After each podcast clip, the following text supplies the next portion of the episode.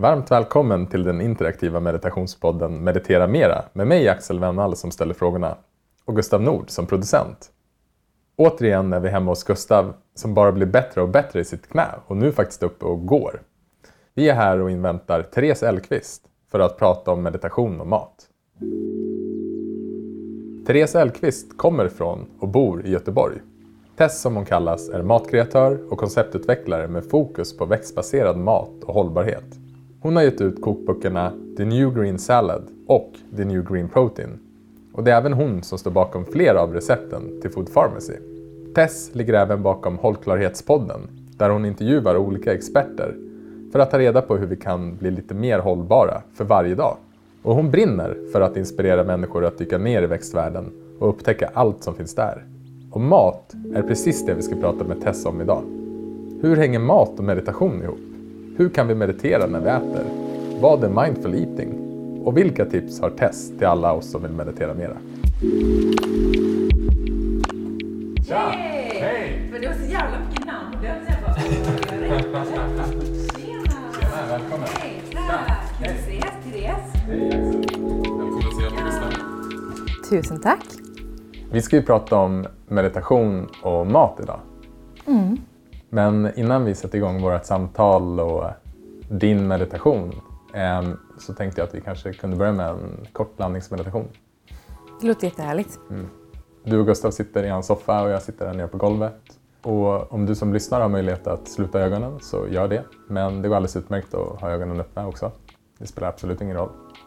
Så vart du än är, om du är på språng någonstans eller sitter på en buss eller på ett tåg eller hemma så eh, kan vi bara börja med att vända uppmärksamheten till vårt luktsinne. Och bara notera de dofterna du kan känna just nu.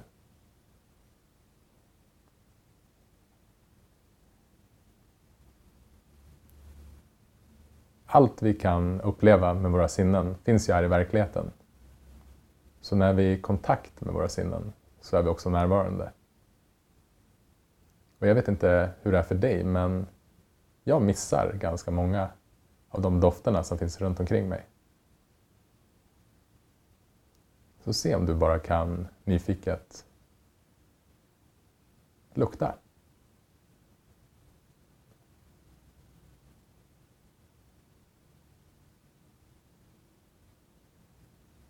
Och notera också om du kanske värderar det du luktar.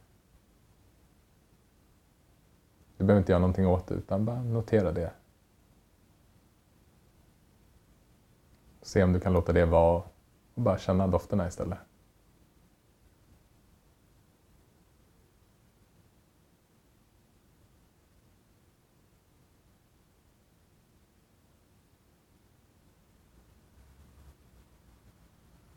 Så, det var en eh, kort landningsmeditation. Härlig inledning. Mm, lite fuskigt för du håller ju på och förbereder. Det luktar väldigt mycket mat här inne. Det luktar så gott. God mat. Det luktar så gott. Vad är det du håller på och förbereder? Det är min eh, paradrätt nummer ett. En eh, hummus bowl som kommer toppas med lite pumpa som ni kastar in i ugnen och grönkål och lite valnötter och zucchini. Ja, Så det det blir det. Ah, det är det som det luktar. Mm. Det här är ju första gången du och jag träffas. Men våra vägar har ju nästan korsat ett par, par gånger. Du har ju bland annat varit hemma hos mig då du träffade min sambo. Och precis eh, som idag så pratade ni om mat då. Och eh, jag är supernyfiken på hur meditation och mat hänger ihop. Och jag är väldigt intresserad och passionerad över meditation. Och för mig handlar det mycket om att, att meditera för att bli mer närvarande. Men en del där jag har svårt att vara närvarande är just när jag äter. Så eh, jag är superpeppad på att få lära mig mer av dig idag. Ja, jag tycker när man pratar just om meditation och eh, om mat, precis som du sa, så handlar meditation om att bli mer närvarande i det man gör. Och mat är en sån grej som många idag tar för givet. Vi förväntar oss att kunna gå in i en mataffär och kunna få tag på allt från liksom mango mitt i vintern, och mango växer aldrig här i närheten där vi bor, till att liksom en jordgubbar i december och du ska kunna få tag på rotsaker mitt i sommaren.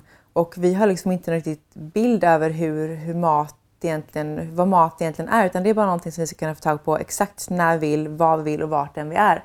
Och där har det blivit någonting väldigt knasigt för att det är inte så världen ser ut. Och det finns väldigt mycket problematik kopplat till det. Alltifrån liksom klimatfrågan med att vi äter på ett sätt som inte är så bra för klimatet och att vi överkonsumerar mat, vilket varken är bra för vår egen hälsa eller för miljön. För att vi producerar så mycket av en och samma råvara därför att det genererar mest pengar eller det är det som folk efterfrågar.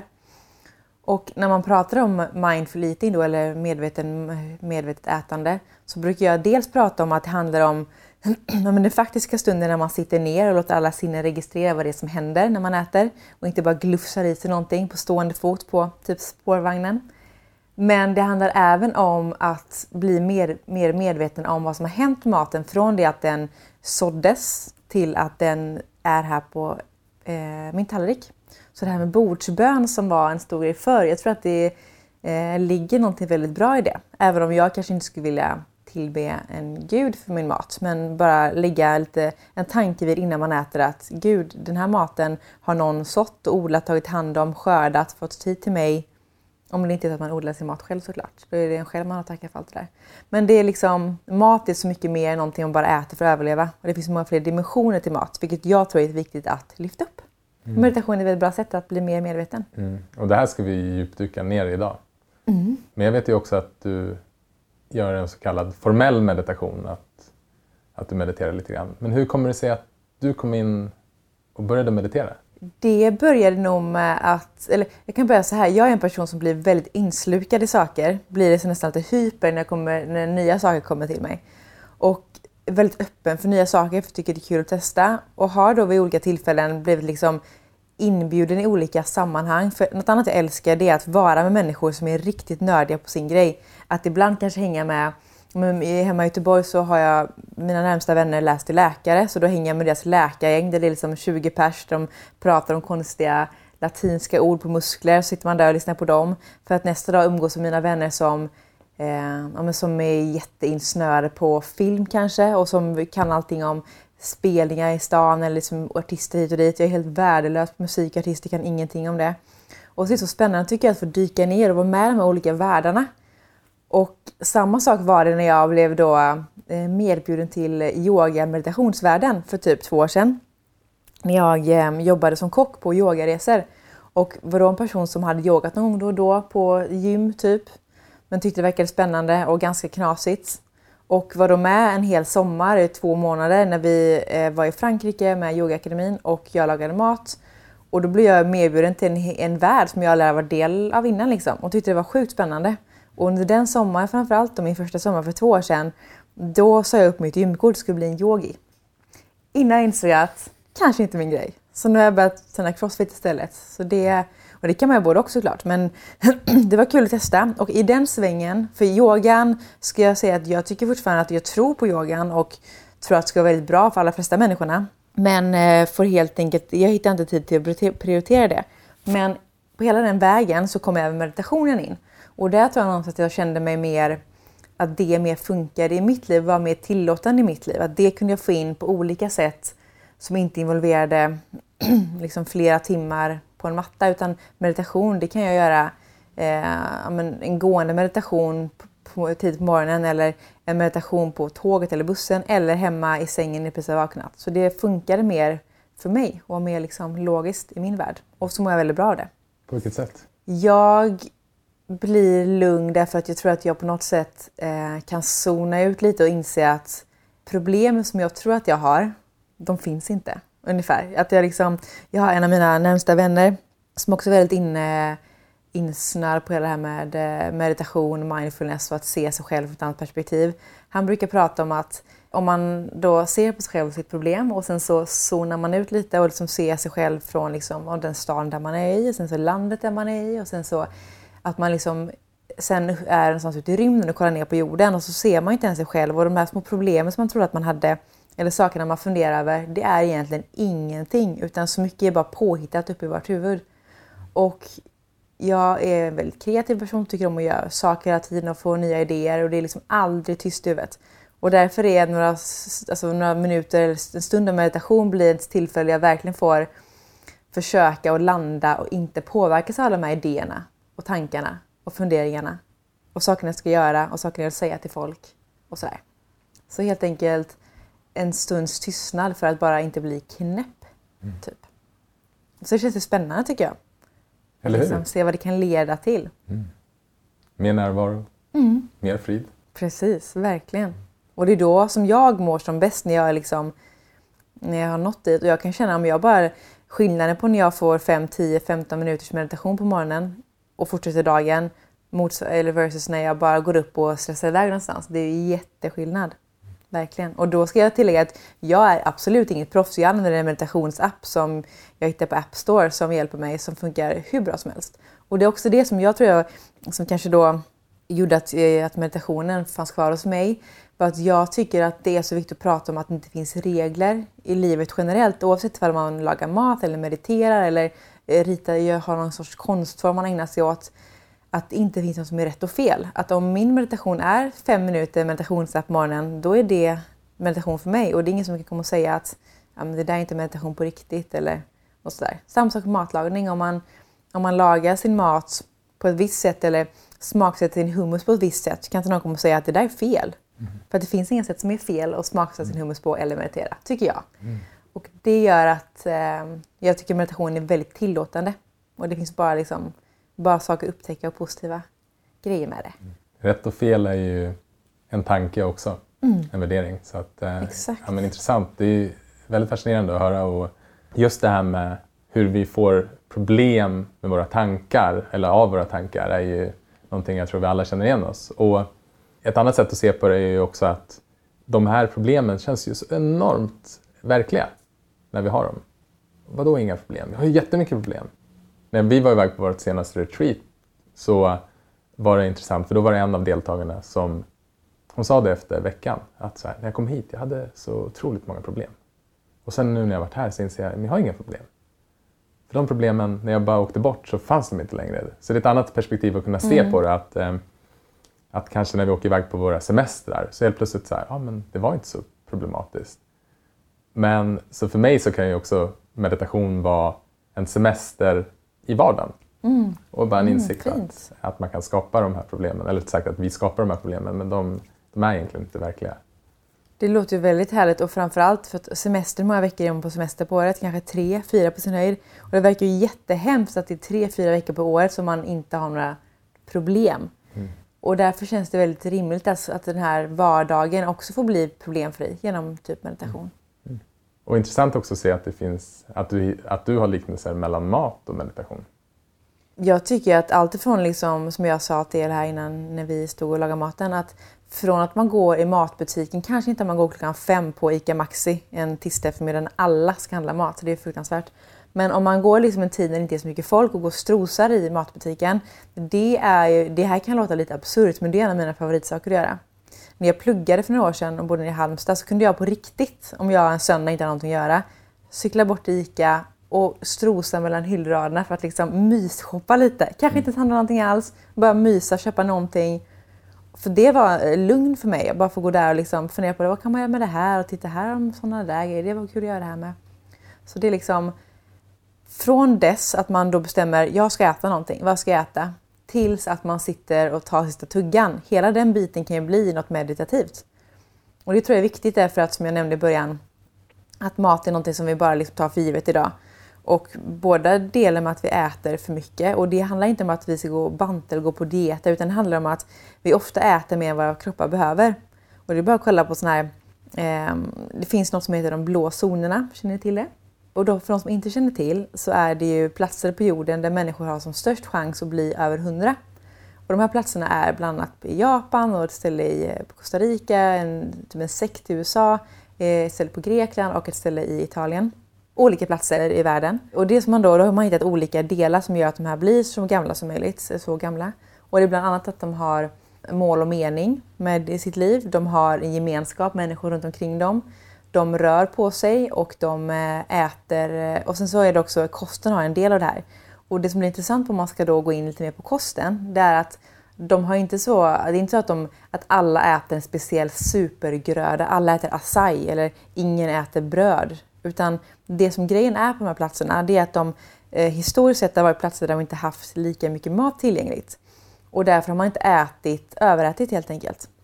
Och på, ja, i Japan så har man till och med ett ordspråk som jag inte ska försöka mig på att uttala för det är på japanska, jag kan inte japanska. Men översatt till svenska så blir det 80% mätt. Och det innebär att de helt enkelt äter tills de är 80% mätta. Och då går man inte runt och är hungrig men man är inte mätt. Och jag brukar ofta prata om att det finns antingen är man mätt eller så är man hungrig. Det finns liksom ingenting däremellan. För att, att inte vara hungrig, det är när du inte känner hunger.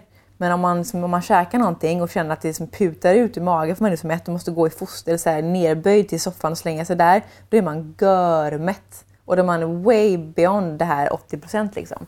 Och det tror jag är bra att vi i västvärlden som kanske då generellt sett de flesta av oss har möjlighet att köpa mat som gör att vi kanske blir till och med lite för mätta. Och då har man, hela tiden, man har glömt av det här lite med vad kroppen behöver och glöm, framförallt glömmer att lyssna av sin kropp tror jag.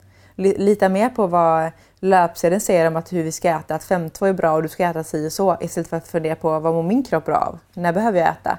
Ska jag äta var fjärde timme för att någon säger det i en bok eller mår min kropp bättre av att fasta varannan dag? Det kanske vissa kroppar gör och vissa gör inte, gör inte det. Och att lita mer på det än på olika rön. Liksom. Det tror jag är en, en viktig del. Och det handlar om att bli mer medveten, att lära känna sin kropp bättre. För vi har liksom distanserat oss från den, tror jag, ibland. Mm. Jag tänker att idag så ska jag verkligen använda det här tillfället för att lära mig själv. För som sagt, jag försöker implementera närvaro i mitt liv men just när det kommer till maten så, så märker jag att det är svårt. Är det någonting som du själv praktiserar, det här med 80 % mätt? I tanken så gör jag det. Sen så ska jag erkänna så här, jag kommer också hem svinhungrig ibland och som trycker tre knäckebröd med något gött på innan jag ens har funderat på vad jag ska börja laga för mat. Så det i den bästa av världar så skulle jag göra det och liksom så här, sätta sig ner, inte stå och småäta under tiden. Samtidigt som jag älskar att stå och småäta när jag lagar mat, för jag tycker det är mysigt att ha så här, smaka lite där, smaka lite där. Och sen när man då sätter sig att äter, inte är okej, okay, jag har redan käkat två portioner, synd. Jag orkar typ inte äta något mer. Men jag har som ambition att låta matstunden få bli en, som en stund av ja, men dels njutning såklart, för det är det bästa man kan göra att äta tycker jag. Men samtidigt bli mer medveten och kanske då känna in mer är jag hungrig nu eller äter jag för att klockan är 12 och det är lunchtid? Och, eh, så dels det försöka tänka på, att låta liksom lyssna in mer till min inkropp. Men absolut att försöka inte äta mig tokmätt. Mm. Men sen är också grejen att eftersom att jag äter växtbaserat, vilket innebär att jag äter mat som är gjord, eller som baseras på massa olika typer av växter. Det är liksom frö, nötter och baljväxter och rotsaker och grönsaker och bladgrönsaker och örter och allt som, allt som växer eh, som är vegetabiliskt helt enkelt. Och generellt då om man äter den typen av mat så får man inte den här mättnaden som man kanske får om man äter något sån här, någon fläskfilégratäng med potatis eller vad det kan vara. För det, den typen av föda ger en helt annan tyngd i magen. Och, där, och det är både lite farligt, därför att, eller farligt, men man kan äta extremt mycket växtbaserad mat utan att få den där känslan så då kanske man ibland överäter utan att veta om det.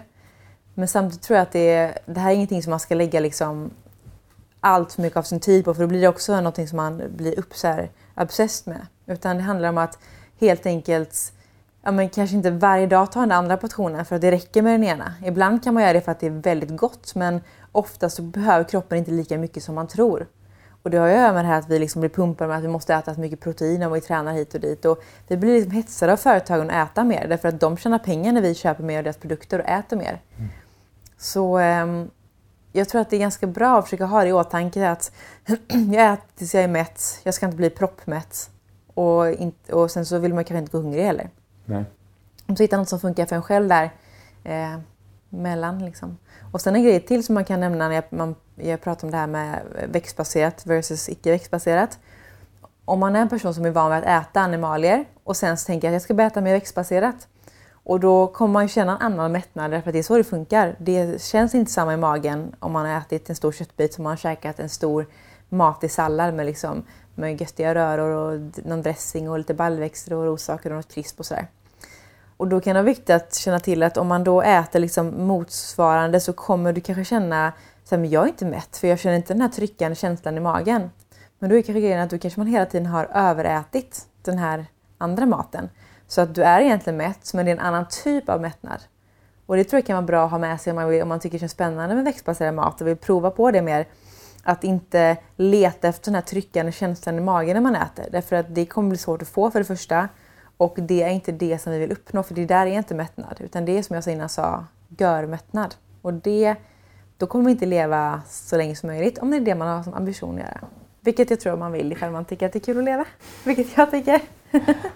Ja, men jag, jag ska försöka se vad jag kan ta med mig för råd här utifrån det du, du säger. Jag, jag tror att en, en del jag hör i är ju att, liksom att, att ett, bli medveten om vad säger ens kropp? Mm, jätteviktigt. Och bli medveten om, okej okay, men hur, är, liksom, är det idén att jag ska äta nu eller är det kroppen? Hur känns kroppen? Men, men den andra dimensionen i det du pratar också om är ju att vi kanske har lärt oss fel. Alltså min, när jag lyssnar på kroppen och känner att nu är jag mätt så kan det vara i det fallet att jag, liksom, och jag känner igen mig väldigt mycket själv i det här, mm. att, jag liksom, att jag då blir görmätt. Att så här, det är så jag har lärt mig, att mm. jag äter tills jag blir görmätt. Du kanske är 110 redan då och sen ska du käka en efterrätt på det och då är det 120. Ja. Men vad betyder det här? Får jag inte äta efterrätt? Jo, men då kanske du bara ska käka tills du är 70% mätt av middagen. Så mm. de sista 10 procenten till efterrätten. Mm. Och ska tilläggas, det här är så absolut inga regler för det är väldigt viktigt att tillägga, speciellt när det handlar om mat, att vi vill inte ha regler utan att det handlar bara om ett förhållningssätt. Mm. Att, och ifall, ifall du gör en jättegod mat hemma och det blir mat över, gött! Matlåda imorgon. Det är inte så att du behöver att någon annan kommer sno maten från dig. Jag har, jag har en vän som har flera syskon som berättat att när han var liten så var det så här att då var det först inte kvarn. Så ifall, ifall det kom fram någon god mat på bordet då käkade alla som galningar. Man visste liksom inte när man skulle få käka nästa gång. Och det är ju jättetråkigt såklart ifall det är så. Men eh, oftast så har man ju faktiskt möjlighet att vänta och eh, spara resten till eh, någon dag efter. Liksom. Så eh, ja, känn in kroppen liksom och våga, eh, våga lita mer på vad din kropp säger än vad alla löpsedlar säger. Och vad kollegan säger passar för hen. Mm. Och du pratade också om eh, förberedelsefasen på mat. Mm. Ja, det är också en sån grej som många kan tycka att det är tråkigt. Att det är tråkigt att laga mat om man bara är själv eller det är så mycket som ska göras och sådär. Men då brukar jag tänka som, är, och det här är lite min sån här livsmantra, att se saker som eh, möjligheter istället för hinder. Så att om vi då ska ta laga mat-biten så kan man tänka sig att de här då 45 minuterna när jag ska stå och förbereda den här maten, laga den här maten. Man kan säga som att åh nej, 45 minuter som jag inte kan få kolla på min favoritserie eller spela spel, lägga pussel, vad man nu tycker är kul. Mm. Istället för att se att man förlorar tid när man lagar mat, se det som gud vad härligt, 45 minuter när jag får stå och förbereda min egen mat, lägga kärlek på den. Eller bara stå och inte börja tänka på någonting annat utan bara fokusera på att hacka den här eh, moroten eller riva den här rödbetan eller mixa den här såsen eller vad det kan vara. Eller lyssna på eran podd kanske. Mm. Låta den biten få bli en stund av eh, ja, men en aktiv meditation helt enkelt. Och det är bland det bästa jag vet. Det är en stund att koppla av liksom. Och sen så vissa dagar vill man absolut inte ha det, men då kan man de dagarna när man väl gör förbereder sin mat kan man göra extra mycket. Gör en dubbel sats hummus eller rosta två plåtar med pumpa i ugnen eller vad det nu kan vara. Rosta dubbelt så mycket, trippelt så mycket frönötter och nötter så du kan ha både på frukostar, luncher och middagar och sådär. Så eh, tänk smart. Får du, kan du vissa dagar kan du stå i köket längre och vissa kortare. Mm. Jag tänker att det finns och här då igen så känner jag igen mig väldigt mycket. Jag, jag har ibland ganska mycket motstånd när det kommer just till det här 45 minuter att laga mat. Ah, då måste jag lägga ner den här tiden här? Um, och ibland så är nog kanske rätta svaret för mig att säga, nej men jag ska inte lägga ner 45 minuter på att laga maten utan hade jag möjlighet att gå och köpa någonting färdigt så kanske det var mer rätt. Men problemet som uppstår är ju, det är inte att laga mat utan det är motståndet mm. mot det här. Um, och framförallt så också har jag, har jag liksom noterat att det är, det är också en, en, en, grad av närvaro. Hur närvarande kan man vara när man lagar mat? Och jag hör ju här, och jag tror vi alla hör hur passionerad och hur kul du tycker det är med mat. Alltså, du är också helt närvarande när du går runt på affären. Mm. Jag förstår att det är lite subjektivt såklart. Vissa tycker att det är knäpp i huvudet. Exakt. Men man kan känna så här. Men jag tror att det som meditationen kan, kan hjälpa oss, och det, i alla fall hur den hjälper mig, är att vi kan rikta uppmärksamheten ännu närmare på det vi gör. Och tråkigt, det går bara att ha om man inte har tillräckligt mycket med uppmärksamhet. Det finns till och med en definition av leda och tråkighet är att det är brist på uppmärksamhet. Så testa att liksom ha full uppmärksamhet på någonting så finns det ingenting som kan vara tråkigt. Och det här kan man testa för sig själv. Och, och det är också så här, så när man väl har bestämt sig att så här, okay, men nu ska jag laga mat, så liksom ge sig hän det. Eller som eh, vi intervjuade Malin Berghagen här för ett par veckor sedan. Jag tyckte hon hade ett så fint begrepp. Hon sa, gör det med känsla. Att flytta det skiftet, att närvaro är när man gör någonting med känsla. Mm. Jättefint, verkligen. Och det, det där sätter ju verkligen ord på min känsla när det gäller andra saker. Det är det här klassiska, det man inte är bra på tycker man inte är kul. Och det kan ha ju med samma tror jag, sak att göra. Att om man inte tycker att någonting är kul, eller om man inte tror att man tycker att någonting är kul, lägger man ingen energi på det och är inte riktigt där för man har redan bestämt sig för att men jag tycker inte att det där är kul. Och då blir det inte kul, eller man blir inte närvarande. Så jag tror det är en, låter väldigt, väldigt bra, som en bra övning. Mm. Meditera medan man lagar mat. Mm. Full närvaro. Och då tänker jag att det som i det här fallet blir för mig själv är ju att bara notera när ens tankar börjar fladdra iväg. Att åh nej, nu hade jag kunnat sitta och kolla på den här fotbollen eller jag hade kunnat gjort det här. Och sen bara föra tillbaka uppmärksamheten Mm. till att hacka, till att steka. Precis. Mm. hur kommer det sig att du äter växtbaserad mat? Jag kan säga så här, jag var extremt kräsen när jag var liten. Eh, åt bara såna här klassiska barnmat. Alltså typ spagetti köttfärssås, makaroner och köttbullar. Eh, någon kyckling i någon liksom, gräddsås. Och, men det har alltid varit väldigt viktigt med mat i min familj och min mamma har alltid lagat mat från grunden och sådär. Och eh, alltid samlas kring liksom matstunder och fredagsmys och lördagsmiddagar och sådär har alltid varit väldigt viktiga. Så mat har alltid varit väldigt viktigt för mig. Och sen har jag en eh, stor släng av hypokondri, vilket gjorde att det här med att äta växtbaserat var ju någonting som, eh, som var bra ur ett hälsoperspektiv. Och, eh, så jag har alltid lagat väldigt mycket mat, eh, velat må så bra som möjligt och då var ju växtbaserad mat en del av det. Och sen var ju min bör in, liksom, i början av min eh, växtbaserade resa så hade det också att göra med tyvärr att jag eh, blev så pass manisk i det att det liksom eh, utvecklade sig till flera års ätstörningar av massa olika vis. Där maten fortfarande var liksom någonting av det bästa jag tyckte, eh, visste om. Liksom. Men det var väldigt mycket kontroll inblandat. Och det gjorde ju, alltså, och det var fruktansvärt, det var många år det var så. Men det ledde också fram till att jag idag har hittat min take på mat och kost och liksom min filosofi kring det som jag känner att som känns helrätt. Och att idag kunna jobba med mat och att det eh, att vara runt det varje dag hela tiden. Att gå från där jag var till där jag är idag, det känns som en, en av mina viktigaste resor tror jag. Att, att det fick bli liksom något så fint från att ha varit något sorts belastade mig så mycket. Så början av resan var ju inte så härlig som sagt, för det var ju liksom, det var ju sjukdom liksom. Men sen så eh, insåg jag väl att växtbaserad mat är så sjukt kreativt. Man kan liksom en och samma råvara göra typ, alltså vi kan ta pumpa som vi har i ugnen här som vi ska äta sen. Nu har vi bakat den i ugnen i kuber.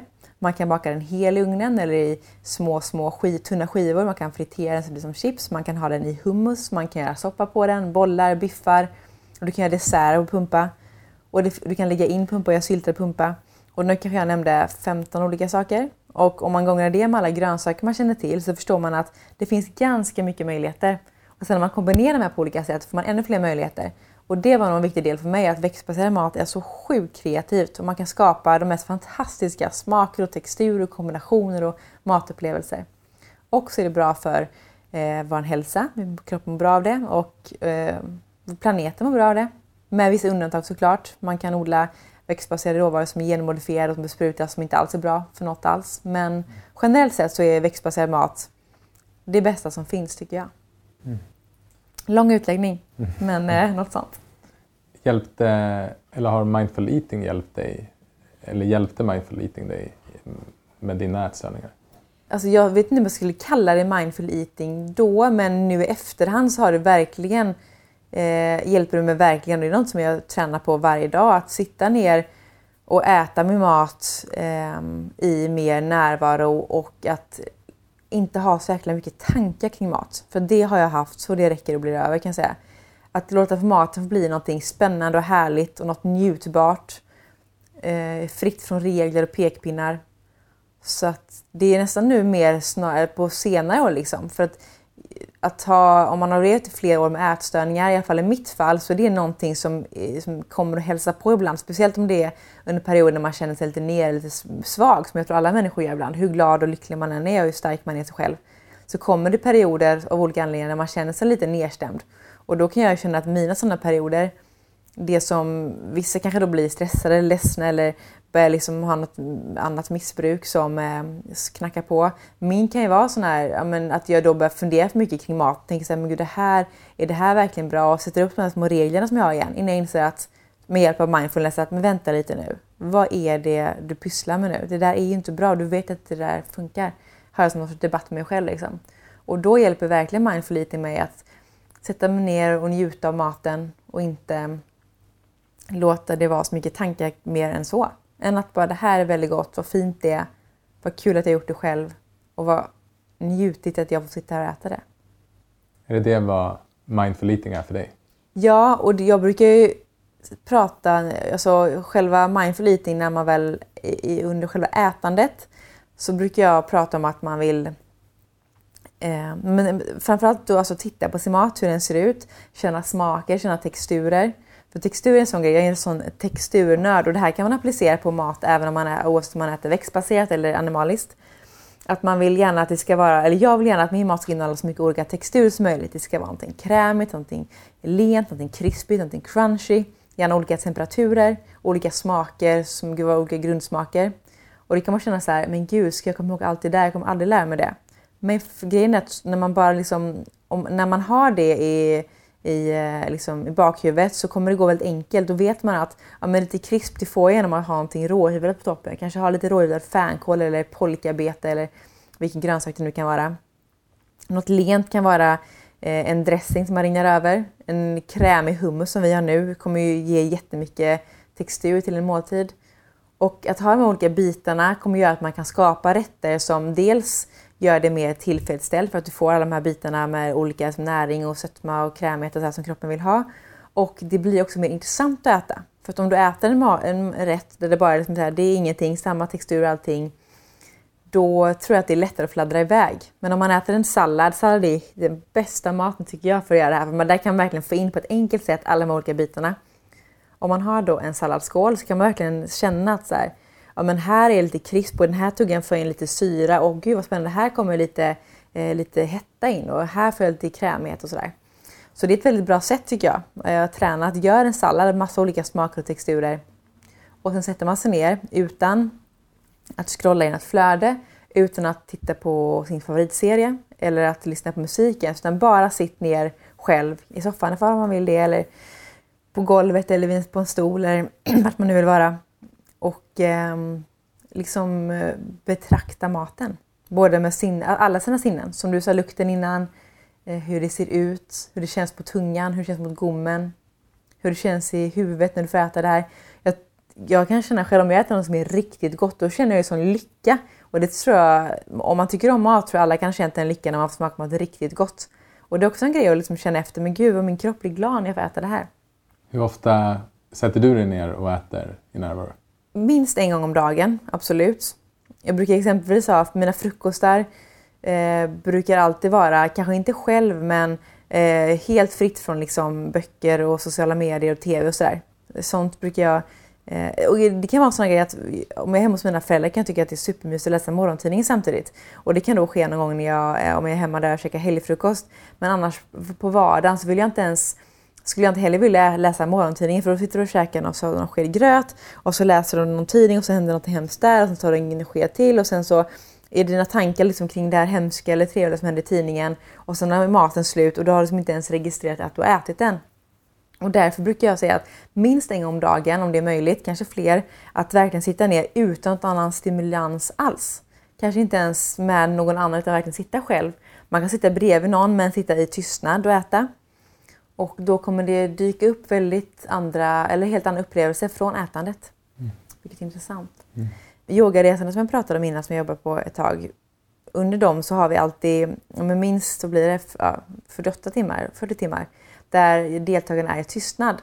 Från liksom hela dagarna, från morgonen då ett helt dygn och sen så till eh, lunchen dagen efter. Liksom. Och då äter de även i tystnad. Och det är väldigt speciellt att se 35 personer sitta i ett rum och så glasen klingar och de äter, man hör skrapan från kniven som skär i det vi äter. Och så är det helt knäpptyst. Och det är så spännande, för sen när folk då får börja prata igen, eller när de börjar prata igen, så brukar de ofta säga att eh, mat, maten smakar helt annorlunda. Och det är för att jag tror att det är så sällan som man sitter ner och äter själv. Och om man gör det känner man så här, åh gud, här sitter jag själv, jag har inga vänner och vad ensam jag är som är helt ensam när jag äter. Istället för att tänka så här, gud vad fint, jag får sitta här själv och äta det här och njuta av den här maten som jag har lagat till mig själv eller köpt någonstans där man tycker att de gör bra mat. Så ehm, det handlar mindful eh, eating väldigt mycket för mig om. Att vara mer medveten när man äter och inte stå och käka ur kylskåpet. Kanske. Ibland är det jättehärligt men kanske de flesta gånger är man inte det. Det får mig att tänka på den här berättelsen om eh, läraren och eleven där eleven frågar läraren varför mediterar vi? Och eh, läraren svarar för att äta när vi äter och sova när vi, när vi sover. Och första gången jag hörde den här berättelsen så fattade jag inte. Jag bara, vadå äta när vi äter och sova när vi sover? Och sen kom jag ihåg att det var någon gång när jag satt och käkade så bara, jaha, ja, jag, jag är inte här. Jag är inte här. Jag, jag, liksom, jag är, använder oftast någon skärm när jag sitter och äter. Eller bara det faktum att vara social. Att maten också är kopplad till en social stund. Att kunna sitta och prata med en kompis eller med sambo eller sådär. Eller med familjen och sådär. Men precis som du beskriver så går det ju någonting miste i de stunderna. Att man har sin uppmärksamhet någon annanstans. Mm. Verkligen. Och det tycker jag med, för att, som du sa, alltså jag älskar att ses över mat som människor. Det är jättefint och det har människan gjort sedan urminnes tider. Liksom grottmänniskan satt säkerligen också runt elden och käkade och umgicks. Så det tycker jag inte man ska sluta med. Men det är viktigt att inte glömma av sig själv ibland. Som att man varvar de två kanske. Och sen tycker jag det kan vara skillnad med om man är på en jobblunch, och, vilket tycker jag är det värsta man kan vara på ungefär. För då sitter man bara och så pratar och ska vara så aktiv och verka intressant och ta in vad varandra säger och samtidigt äta. Då har man, jag tror aldrig jag varit på en jobblunch och ätit och kunnat njuta av maten för att man tjötar liksom allt annat. Tanken är över allt annat äh, på andra ställen. Men om man har varit ett gäng som har lagat mat ihop jag har exempelvis eh, ett litet gäng hemma där vi brukar ha mataftnar, kallar vi dem, när vi lagar mat från ett specifikt land och går all in på det. Så brukar vi ses på eftermiddagen. Det här är ett väldigt bra sätt att, när jag tänker på det, att eh, äta mindfullt. Att eh, som koppla mindful eller meditation till maten. Då brukar vi ses och gå och handla mat tillsammans på eftermiddagen på någon helg. Och då har vi bestämt oss för att vi ska laga mat från ett specifikt land. Nu senast så lagade vi etiopisk mat. Och det var ju först mataffären och handlade de här olika grönsakerna och bitarna vi ville ha. Kom hem, eh, var hemma hos mig och lagade massa olika mat. Det är halvt kaos i köket. Folk ska chatta och berätta om det som hänt senast hit och dit. Och man lagar mat och smakar och sådär. Och sen sätter man sig ner och äter och njuter av den här maten ihop. Och sitter där liksom länge och så äter lite, pratar lite. Och det är väldigt avslappnat och tillåtande och maten är central men man samtidigt umgås man kring den. Och det tycker jag är ett väldigt härligt sätt att, eh, att umgås kring mat och låta maten bli en del av hela umgänget. Liksom. Mm. Så det kan jag tipsa alla om. Och det kanske man kan börja med att landa innan. För det kan vara en sån grej. Det vet jag när jag varit med, varit med vänner som, som där vi var och käkade någon gång eh, när jag var eh, med samma yogagäng och hälsade på dem i Indien när de var där förra året. Så innan vi skulle börja äta så var det två av dem som slöt ögonen och höll händerna över maten. Och kände så här, äh, nu har det här gått över gränsen liksom. Nu är det jäkligt yoga, yoga liksom, eh, bubbla här borta. Och, eh, för jag, alltså jag ska säga så här, jag kommer från en plats innan där jag då inte hade någon relation till yoga och meditation tyckte det var ganska mycket hokus pokus. Men sen när jag kom in i den här världen tyckte jag bara att det var så himla härligt. Men då kom jag dit och kände såhär, okej, okay, nu ska den bara hela sin mat här. Men det ligger också någonting i det, liksom, att då få sig mat och känna tacksamhet över det. Bara liksom, inte kasta sig över det med en gång utan bara så här, ta tre djupa andetag och bara okej, okay, snart. Inte som jag tyvärr gör ibland, alldeles för ofta. När jag går från köket och sätter mig och käkar mat så är det som käkar jag under tiden jag går. För jag är så jäkla taggad på den här maten. Mm. Men tänk då att ta tallriken med sig dit man ska sätta sig, sätta sig ner, kanske eh, sluta sina ögon, ta tre djupa andetag hålla händerna över eller inte, vilket man känner är bäst. Och sen så bara, nu äter jag. Mm. De gångerna man lyckas med det, då tycker jag att min mag kurrar jättemycket. De, de gångerna man lyckas med det så tycker jag att maten smakar ännu bättre. Det är ännu härligare liksom. För en del av det här är ju såklart att påminna sig själv om att komma tillbaka. Och närvaro handlar ju mycket om påminnelse. Mm. Har du några egna ritualer själv när du äter? Eh, ja, men det är ju då att försöka andas några andetag innan jag äter. Mm. Sen brukar jag ofta, göra, vill jag att min mat ska vara fin med för att jag äter mycket med ögonen.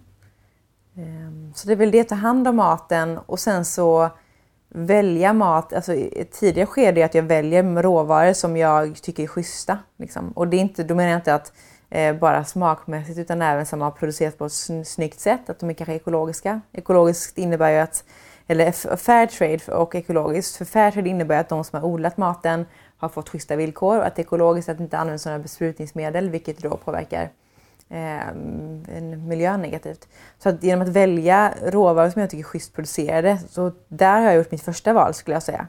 Att välja mat som är bra för eh, mig själv och min egen hälsa men även människor som har tagit hand om maten innan den finns på mitt bord. Så det är en jätteviktig del. Och sen då att försöka andas och inte, att inte tänka på tusen andra saker när jag äter. Utan få låta matstunden få bli en stund av njutning. För det är min bästa typ av njutning i livet tror jag, att få äta mat. Och vi ska ju få äta och meditera tillsammans med dig mm -hmm. sen. Och det ska bli spännande att, att, få lyssna till och få lära sig mer om hur man kan njuta mer av maten. Vi var inne tidigare på det, det här med att förstå vikten av var maten kommer ifrån. Jag känner igen mig jättemycket också i att jag själv tar maten för givet och bara genom att bo i Stockholm och det fantastiska matutbud som finns här och att det finns tillgängligt överallt. Och en, en annan sak som slår mig är ju att tacksamhet verkar ju vara en nyckel till att kunna uppskatta maten mera och inte ta den för givet. Men hur tycker du man kan göra för att vara mer medveten och tacksam kring maten? Jag tror att det här blir lite sån här hönan och ägget problematik för jag tror att det handlar om att bli att få en förståelse för de bakomliggande faktorerna, alltså bli mer medvetna för att kunna uppskatta maten mer. Och det handlar helt enkelt om att förstå det här med mm, hur personer som odlar i mat har det. Eller om man äter animalier, hur har djuren haft det? Eller hur har de, liksom, hur, vad har de för förutsättningar, de som producerar vår mat? Och hur kommer den hit? Flygs det liksom färska bär från USA? Behöver jag verkligen äta de här bären då? Eller kan jag faktiskt vänta tills i juni när jag kan plocka färska bär i Sverige? Och bara få en förståelse för hela den apparaten med hur livsmedelsproduktionen ser ut idag. Det tror jag är en viktig del. Därför att då blir det kanske mer självklart att vissa saker äter vi inte den här tiden på året därför att det finns inte här nu och vi kanske inte måste ha det utan då kan vi istället, som jag var inne på innan, inte se det som ett problem att oj, jag vill så himla gärna ha jordgubbar nu men jag får inte. Se det istället som att okej, okay, vi kan inte göra en jordgubbspaj nu men det finns faktiskt svenska äpplen kvar från i höstas, senhösten, där det var ett fantastiskt äppelår. Ja, men då gör vi en äppelpaj istället. Och hela den biten tror jag är väldigt viktig, att förstå hur allting fungerar. Att inte bara liksom skrapa på ytan och tro att ja, men jag köper allt ekologiskt så är det lugnt sen. För det finns fler dimensioner än så. Och, att, och jag brukar få en fråga ganska ofta som lyder är det bäst att välja ekologiskt eller att välja närproducerat? För det är inte alltid att allting som är närproducerat är ekologiskt. Och då intervjuade jag en kvinna som heter Elin Rös som är forskare på SLU om det här som gav mig ett väldigt bra svar. Säg att, vi skulle, att det odlades broccoli i Chile. Vad är bäst att då köpa en ekologisk broccoli från Chile eller en konventionell från Halland exempelvis? Och då sa hon att ett, det verkar väldigt konstigt att köpa broccoli från Chile när det finns i Halland. Men då är det så att i Chile, för det är så här, i Europa så har vi väldigt hårda eh, livsmedelsregler liksom, kring vilka ämnen så du får använda när du besprutar livsmedel. En ännu hårdare eh, regleringar har vi i Sverige. Så när man köper svenska råvaror så har det liksom, är det ganska mycket som inte är tillåtet från första början. Så där kan man vara ganska trygg att det man köper är helt okej okay grejer. Liksom. Eh, I Europa finns det också ganska hårda regler men sen när man kommer utanför Europa så finns det inte alls lika hårda regler. Så när vi köper då typ eh, amerikanska blåbär från USA som inte är ekologiska, då är de eventuellt... USA, USA kan i och för sig också ha helt okej okay regler, men om man köper saker från långt bort ifrån så vet vi inte alls hur det har blivit behandlat. Vilket gör att vi kanske köper grejer som är väldigt besprutade och sådär. Om man då kollar på Chile exempelvis, nu är jag ingen expert på Chiles livsmedelsproduktion ska jag säga, men det vi har, liksom det som vi bara tar som exempel. Och då så sa i alla fall Elin att om man då köper eh, ekologiska råvaror från Chile, då hjälper man ju till att stimulera och bidra till ekologisk produktion i Chile. Vilket är jättebra för att den icke-ekologiska odlingen där är inte speciellt bra för de som odlar eller för de som äter eller för någonting alls egentligen. Så genom att stötta, genom att köpa broccoli från Chile, den ekologiska, då stöttar du den odlingen. Och sen ibland så vill du kanske stötta den halländska bonden som odlar eh, råvaror här i närheten. Så hon sa att hon brukar gå in i matbutiker och känna att ibland vill hon stödja bönderna i Chile, ibland vill hon stödja bönderna i Halland. Och det tyckte jag var en ganska fin, ett fint sätt att se på det. Återigen för att det inte finns några rätt och några fel. Därför att det, det är så, det, man är rädd för att göra fel hela tiden. Det finns liksom, du måste göra så här, du måste göra så. Så det kan vara ganska skönt att höra att man kan göra olika olika gånger.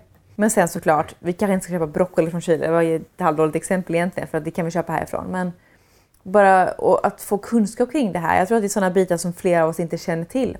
Eller en sån grej som att acai som fick en sån här supertrendig stämpel för några år sedan som folk skulle käka i tid och otid. Som kommer långt här bortifrån. När man egentligen skulle kunna käka lingon. Tänk en lingonbowl istället för acai bowl. Kanske inte lika sexigt men sjukt mycket bättre av många anledningar och minst lika näringsrikt. Mm. Om då är liksom sådana här hippa grödor som ja, typ acai, quinoa, kokos, avokado som jag själv älskar jättemycket och skulle äta varje dag.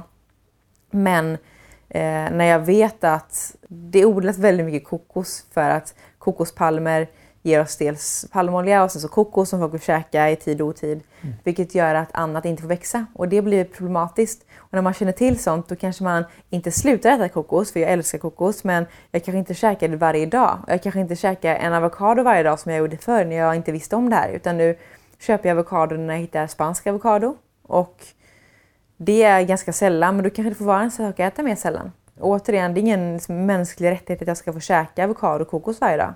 Mm. Men jag tror att jag har nog sett det lite som det, att ja, men jag vill ha avokado köper jag det såklart. Och eh, det tror jag, den här medvetenhetsbiten är viktig tror jag för att kunna göra de här valen. För att om jag skulle bara säga till någon att du, alltså, avokado är inte så bra, du kanske ska käka mindre avokado. Då skulle kanske 9 av 10 personer säga äh, du bestämmer inte över mig, jag käkar hur mycket avokado jag vill. Men om man berättar att men har du tänkt på att det faktiskt kommer så här långt ifrån att det liksom odlas orimliga mängder avokado, att vi ska käka så mycket avokado i vår del av världen. Och då kanske man får en annan förståelse för det och kan göra de här mer medvetna valen. Så var det i alla fall för mig. Mm. Ja, men jag, hör, jag hör dig berätta så tänker jag att det finns två olika typer av medvetenhet. Och det du beskriver nu är ju en yttre medvetenhet.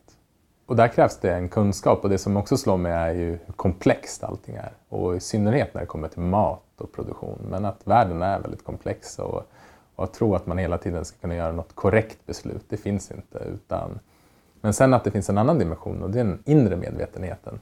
Och den hjälper oss att se var har jag min uppmärksamhet? Mm. Har jag min uppmärksamhet här när jag äter? Eller är min uppmärksamhet någon annanstans? Mm. Och att ganska ofta så är vi omedvetna om vart vi har vår uppmärksamhet. Vi kan ju välja att så här, men idag vill jag läsa morgontidningen och jag vill ha min uppmärksamhet på bägge, tidningen och äta. Men att när vi äter eller förbereder maten eller när vi går och handlar så är vår uppmärksamhet någon annanstans. Och där finns den inre medvetenheten som en nyckel till att, ja, men att bara vända tillbaka uppmärksamheten till närvaro.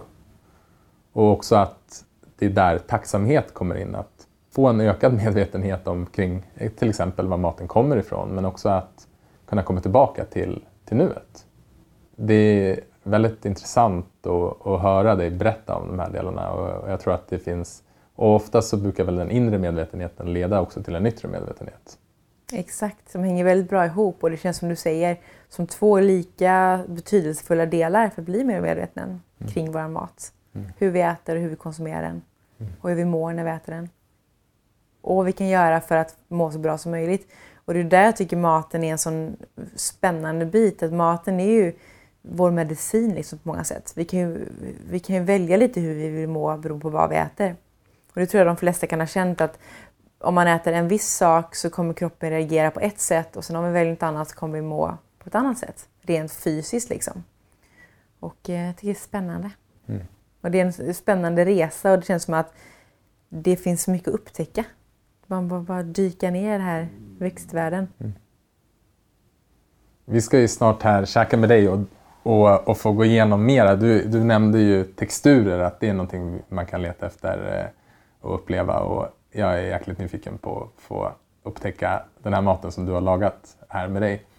Men eh, innan, jag vet att båda ni två är superhungriga och sitter och kurrar, men innan vi gör det, ehm, har du något tips till eh, de som är nyfikna på att meditera?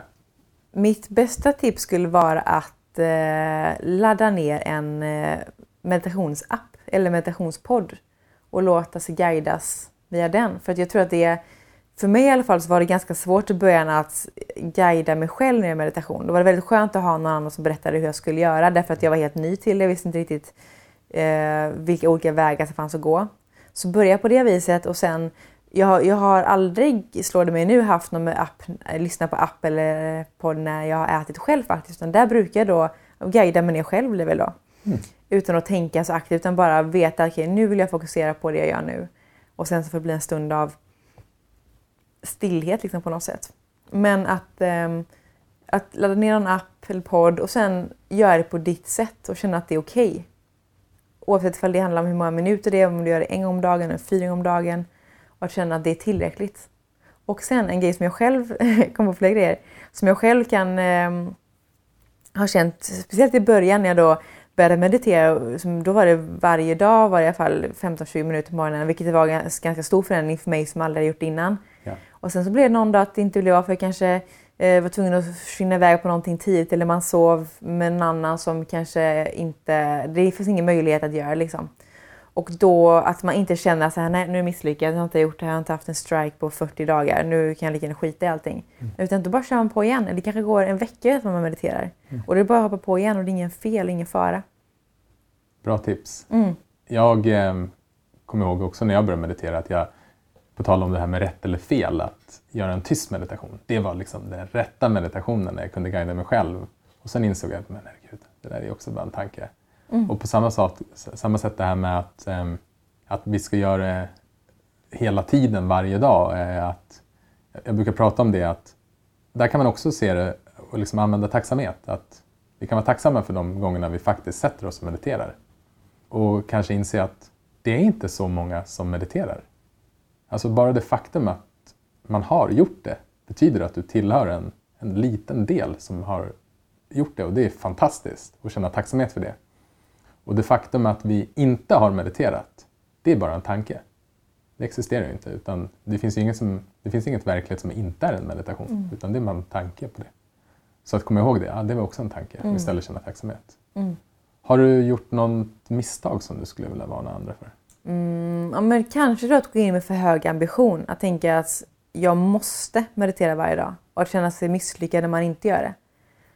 Och kanske att gå in med för mycket föreställningar om hur du ska vara, hur du ska kännas. Utan bara ta det för vad det är. Spännande det här ska bli. Fint tips. Mm. Tack. Vad säger ni? Ska vi äta? Jättegärna. Gött. All right. Vad har vi här då? Ja, men nu har jag den här, ja, den här grönkålen som jag berättade skulle ja. den godaste i hela världen. Den blev ju inte så krispig som jag hade tänkt för jag la på lite för mycket för jag var så hungrig. Men det är alltså då en pumpa bowl med lite hummus med spiskummin och oregano i. Mm. Sen lite bakad pumpa, vi har lite zucchini, grönkål som jag har masserat med lite tahini. Mm. Supergott. Och sen så lite nötter på det också. Det här känns som att det här är någon typ så här, på kök, eller köket eh, avsnitt nu av det Ja, det är det det blir. Jag känner mig som han Jesper Börjesson i Nyhetsmorgon. Ja, precis. Ah, vad har vi här då? Det har varit en utmärkt Jesper Börjesson. Mm. Eh, och tanken är att man egentligen vill att den här grönkålen ska bli lite mer krispig men nu är vi så hungriga så nu orkar vi inte kasta in den igen. Ja, men jag tycker den, här ser den är god i alla fall. Och det som är så fiffigt med det här är att grunden då är en hummus och sen så lägger man på precis det man har hemma. Man kanske har lite rester från gårdagens middag. Man kanske är sjukt sugen på bakade äpplen eller eh, man kan ha med grönkål och lägger mm. man på det. Mm. Så det kan liksom bli ett bra grundrecept som man kan anpassa. Och det kan man också få in det här att man, eh, om man har något matsvinn hemma kan man lägga på det. Eller om man tar det som är säsong, så en vinterbowl och en sommarbowl kan se helt olika ut tänker jag. Och nu har vi då en färgpalett med eh, en ljus hummus och eh, den orangea pumpan och mm. grön grönkål och zucchini och lite valnötter på. Exakt. Fanns det några inlagda grönsaker också? För jag ja. tänker mig att de kanske är lite syrade eller? Ja visst. Man har syre i också. Och en annan grej som jag tycker är kul när man ska snacka mindful eating och sådär. Mm. Det är att göra mer saker själv. För det här var någon av din, din väns föräldrar va, som har gjort den här inlagda och det tycker jag är kul för att tänk hur mycket man uppskattar den här då versus att köpa den i en butik. Eller en sån grej kan vara att om man eh, om man odlar själv, så tror jag att om man säger att man ska odla en zucchini själv, då tror jag att man skulle, det skulle väldigt mycket till för att man skulle kasta en endast en millimeter av den. Men när vi köper zucchini till butiken idag som är alldeles för billiga och det finns hur många som helst, köper vi hem tre stycken, använder en och en halv och så kastar vi resten för att den blir gammal och möglig. Och det är också en sån grej som, där vi kan bli mer mindful. Att bli mer tacksamma över maten och liksom känna mer kärlek till den. Tror jag. Så lägger vi på lite hemsyrade grönsaker med idag. Gud så spännande. Okej, nu har ju vi den otroliga lyxen att vi har varit och hämtat den här maten här. Men det spelar väl ingen roll vad man äter utan du kan äta precis vad som helst. Precis, så länge man är medveten när man äter så spelar det inte mindre roll vad som är på. Och det här är ju lite ett speciellt avsnitt för nu ska vi faktiskt meditera när vi äter. Så om du hemma är sugen på att meditera med oss så eh, förbered någon mat. Någonting enkelt eller någonting svårare kanske. Precis, vad du vill som du kanske tycker om. Och ett extra då tips om man vill göra det till en extra bra, eh, eller jag ska inte säga extra bra, men en övning där man verkligen kan få utforska det här med mindful eating. Då skulle jag rekommendera att göra en rätt där det finns så mycket olika smaker och texturer och färger som möjligt kanske. Det blir lättare att ta på lite vad det är vi kommer prata om. Typ det här receptet som kommer läggas ut, eller hur? Absolut. Spännande. Okej, jag lämnar över ordet till dig här och vill ju egentligen bara hoppa ner i den här tallriken och äta. Ja. Men eh, innan du gör det då så tänker jag att vi ska helt enkelt eh, gå igenom det som jag brukar gå igenom när man sätter sig med en sån här tallrik. Och då, som vi nämnde innan, försök att, eh, att ta det lite lugnt och ta med dig mat till platsen du ska äta innan du hugger in på den på vägen. Och som vi vet så äter vi med ögonen, så börjar man att kika på maten, hur den ser ut. Vilka olika färger det finns, vilken form det har. Och kanske har man lagt lite extra tid på att lägga upp maten på ett kul och spännande sätt bara för att det ska bli lite, eh, ja, men en ny dimension till det här med maten. Och sen för att verkligen komma ner och lägga energi på det vi gör just nu, så ta tre djupa andetag innan du hugger in på maten för att bara känna in att nu kommer jag få äta den här maten som jag har lagat till mig själv eller köpt av någon som jag tycker gör bra mat.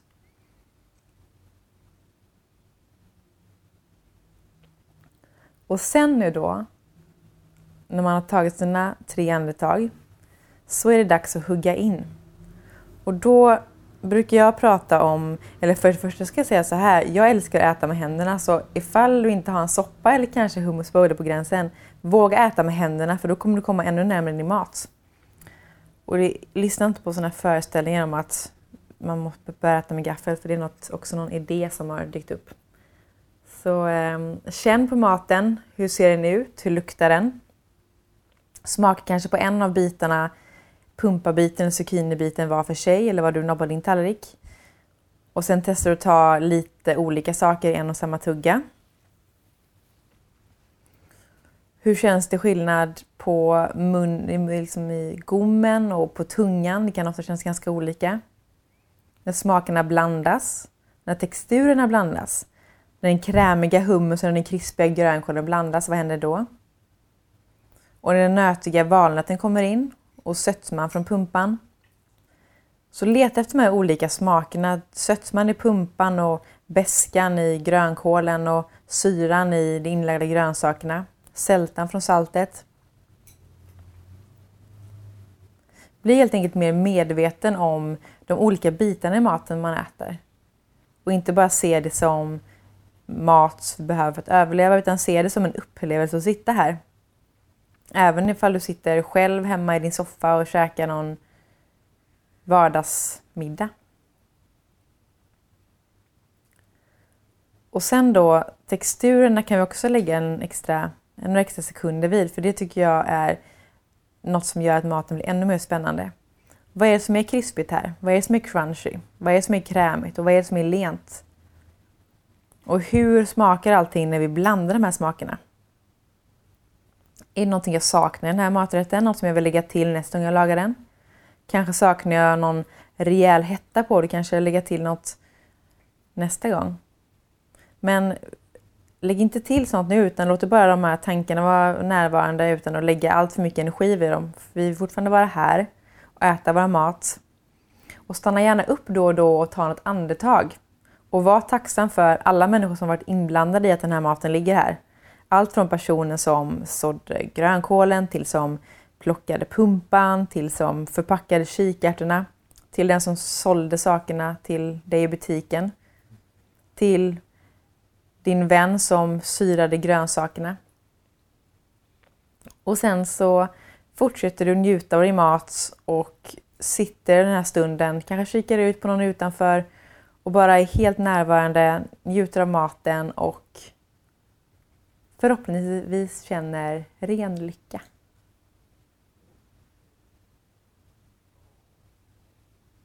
Något sånt. Tack. Tack själva. Jag fick upp väldigt tydligt när jag åt valnöten. Fick jag upp en väldigt tydlig eh, minne av jul. Mm. Kom upp. Och sådana grejer tror jag att det är svårt att missa, eller lätt att missa ska jag säga, när man inte är så närvarande. Och en grej som, som blir problematiskt är att när man då sitter här med en sån här otroligt god tallrik samtidigt som man kollar på sin favoritserie på TV kanske, som är jättebra, som man tycker om, men då kommer man börja äta i takt med att personerna på serien pratar eller dansar eller vad de nu gör. Och sen så kommer maten vara slut så känner man så här, men hallå, den här sjukt goda mat som jag skulle sitta och äta, jag kommer typ inte ihåg hur den smakade, eller hur den såg ut, för jag har varit helt fokuserad på något annat. Mm. Och då får man återigen, liksom, varje tugga kan bli njutning, inte bara den första. Så ha med sig det här tänket längre än bara första tuggan. För ofta ska det vara så här, mm vad gott det här var, och så käkar man upp maten, sen är den slut. Men att påminna sig själv om att okej, okay, nu är det min femtonde tugga, men det är lika gott igen. Man kanske lägger ner gaffeln andas en sekund till och sen så fortsätter man äta. Helt fantastiskt. Jag vet att den här meditationen är den meditationen jag kommer använda absolut mest. Spännande. Jag är så tacksam över att du kom hit och har lärt oss och framförallt mig massa om mindful eating och hur man kan föra in närvaro när man äter. Tack själv, det var väldigt kul att vara här. Kul att få äta med er. Mm. Och med mig själv, tillsammans mm. med er. Innan vi ska hugga i ännu mera och eh, ja, förhoppningsvis äta upp det här, så um, har du något tips eller är det någon gäst du skulle vilja lyssna till i Meditera Mera? Jag tänkte på det här för jag vet ju att jag lyssnade på era tidigare avsnitt och hörde att den här frågan kom. Jag tänkte så här, hmm, vem ska jag säga?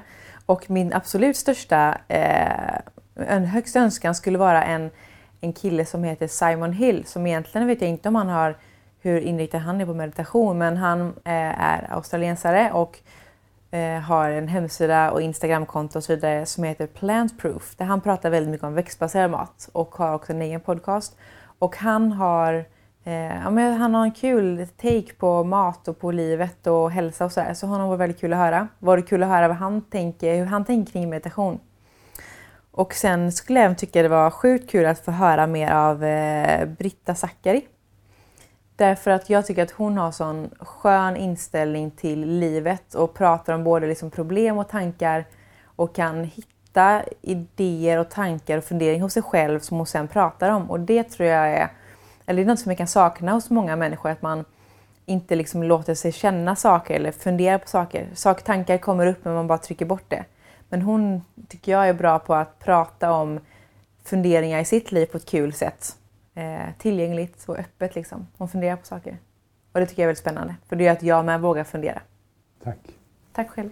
Och om man eh, vill komma i kontakt med dig, hur gör man det bäst? Då skickar man brev på posten Nej, jag skojar, det gör man inte. Man kan göra det, jag skulle bli jätteglad.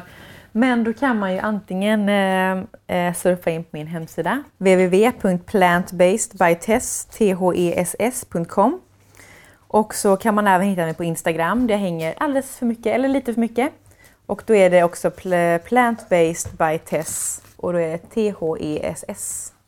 Och där kan man hitta det allra mesta jag gör. Och sen så kan man ju spana in, om man tycker att det är kul med växtbaserad mat och vill läsa mer av det, så kan man ju spana in eh, två böcker som heter The New Green Salad och The New Green Protein. Där jag skriver om just väldigt mycket meditativt faktiskt, utan att prata om det som meditation. Men det är i första boken som beskriver hur man kan bygga upp sallader med olika smaker och textur och färg och form och sådär. Som kan vara väldigt bra, ett bra hjälpmedel om man vill laga den här typen av mat. Och sen i min andra bok så pratar jag väldigt mycket om protein och växtbaserat protein. För att det finns en idé i världen om att vi behöver äta eh, kött och att det är lika med manlighet och muskler och sådär. Och eh, det kunde inte vara mer fel. Det blir en cliffhanger. Vill man veta Mm. mer så finns det i New Green Protein plus massa smarriga recept från frukost till lunch middag och sötsaker som är sprängfyllda med protein och alla andra näringsämnen som en kropp behöver för att må bra. Tack. Tack! Tack. Smaklig måltid säger jag till oss. Smaklig måltid!